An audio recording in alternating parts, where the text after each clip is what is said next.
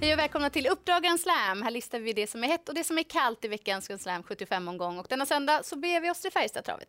Som är en snabb bana och har ett relativt kort upplopp. Det är 177 meter och det betyder att vi har fler spetsvinnare än genomsnittet i landet. Och en kust som numera har Färjestadtravet som hemmabana, det är Petter Karlsson.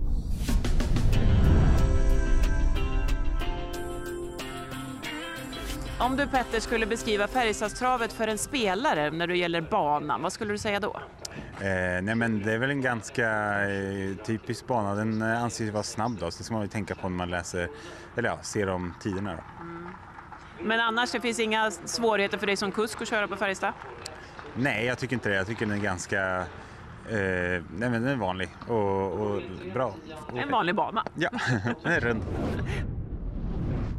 Det man också kan tänka på är att innerspår bakom bilen, ja det kan vara lite klurigt om man vill få en bra start och det vill man ju såklart. Det vill man ju. Förutsättningarna har ni koll på och vi går vidare till veckans heta.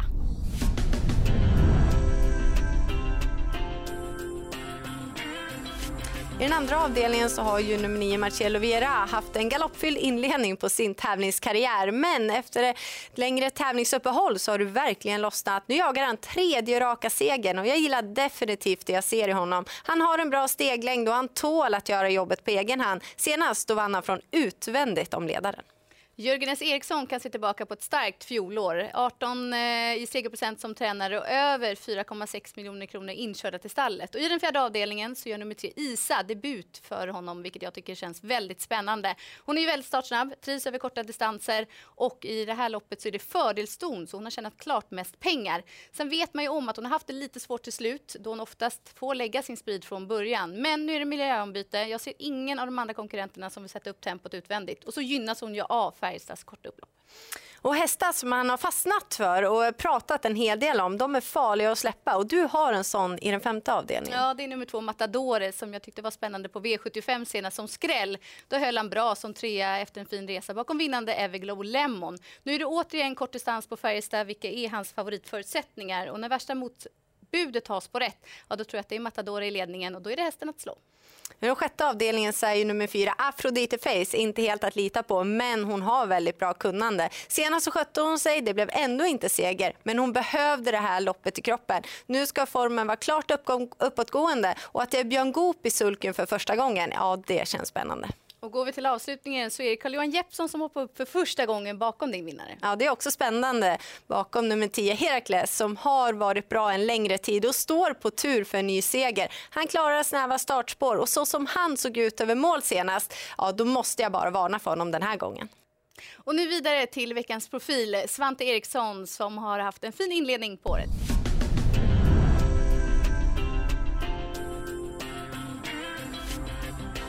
Vi tar ett snack med Svante Eriksson inför GS75 på Färjestad är det ju. Tre hästar har du i samma avdelning, avdelning 2, nummer 6 Eyesight. Vad vill du hälsa spelarna där? Men han, eh, han var tillbaka och gjorde ett lopp här efter uppehåll senast. Han har sprungit och sovit lite i loppet men nu var han lite överambitiös istället. Så att, eh, eh, jag tror att han, det känns som att han har gått framåt med det loppet och eh, kommer vara bättre på söndag. Eh, sen så ändrar vi lite utrustningen för att hålla honom lite lugnare och ta bort eh, halvstängd och sådär. Men eh, känslan är att han, han har gått framåt med förra loppet, är redo att göra ett bra lopp nu eh, och bra läge och kan öppna. Låter positivt.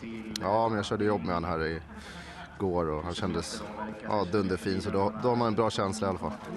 Och så i samma race då som sagt, nummer åtta, I am Timmy. Hur höga förväntningar har du på Jorma Konti och I am Timmy? Ja, men jag tycker han varit lite bortlottad där. Han, han, han skulle gärna haft ett fint spår och suttit i främre träffen. Då, då tror jag han höjer sig. Så att, eh, det får bli lite ett eh, utvecklingslopp för honom. Och sen då nummer ett Hennessy Hill i avdelning 6 med Ulf Olsson. Ja, jättefin häst som har gjort två starter för oss här. Eh, Vann debuten och eh, var tvåa senast. Det är sådana hästar som eh, känns som, som i träningen att hon skulle vara riktigt bra. Så att, eh, men det är någonting som inte riktigt liksom att det släpper till hela vägen. Så att jag ändrar lite där i upplägget på henne och hoppas att hon gör ett bra lopp som liksom får ut det som känns att det finns. Vad vill du se från start där med tanke på spåret?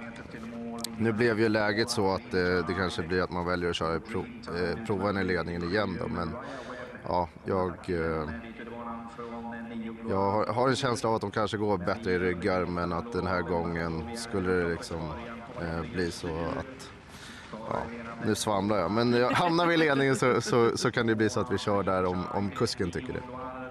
Men bästa chansen låter som eh, nummer 6, Eyesight, Eyesight i avdelning 2? Ja, det är, det är nog eh, dött lopp om han och hennes. Bra och ärligt snack från Svante.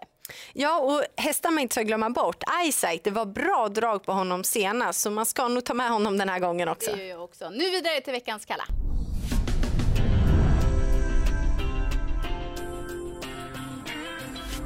I den tredje avdelningen så kan nummer nio Askvitto vara den med högst kapacitet i fältet. Men han har inte startat sedan oktober och på hans fem senaste starter så har det blivit fyra galopper. Jag vill se bättring innan jag vågar tro på honom. Och går vi till den sjätte avdelningen så är nummer 11 The Bank on Broadway väldigt travsäker och levererar starka jämna prestationer. Men hon har bakspår på tillägg och det är ingen häst som ska dra tåget först i tredje spår och då måste hon köras på chans och som jag läser loppet så tror jag inte att det blir det tempot som behövs.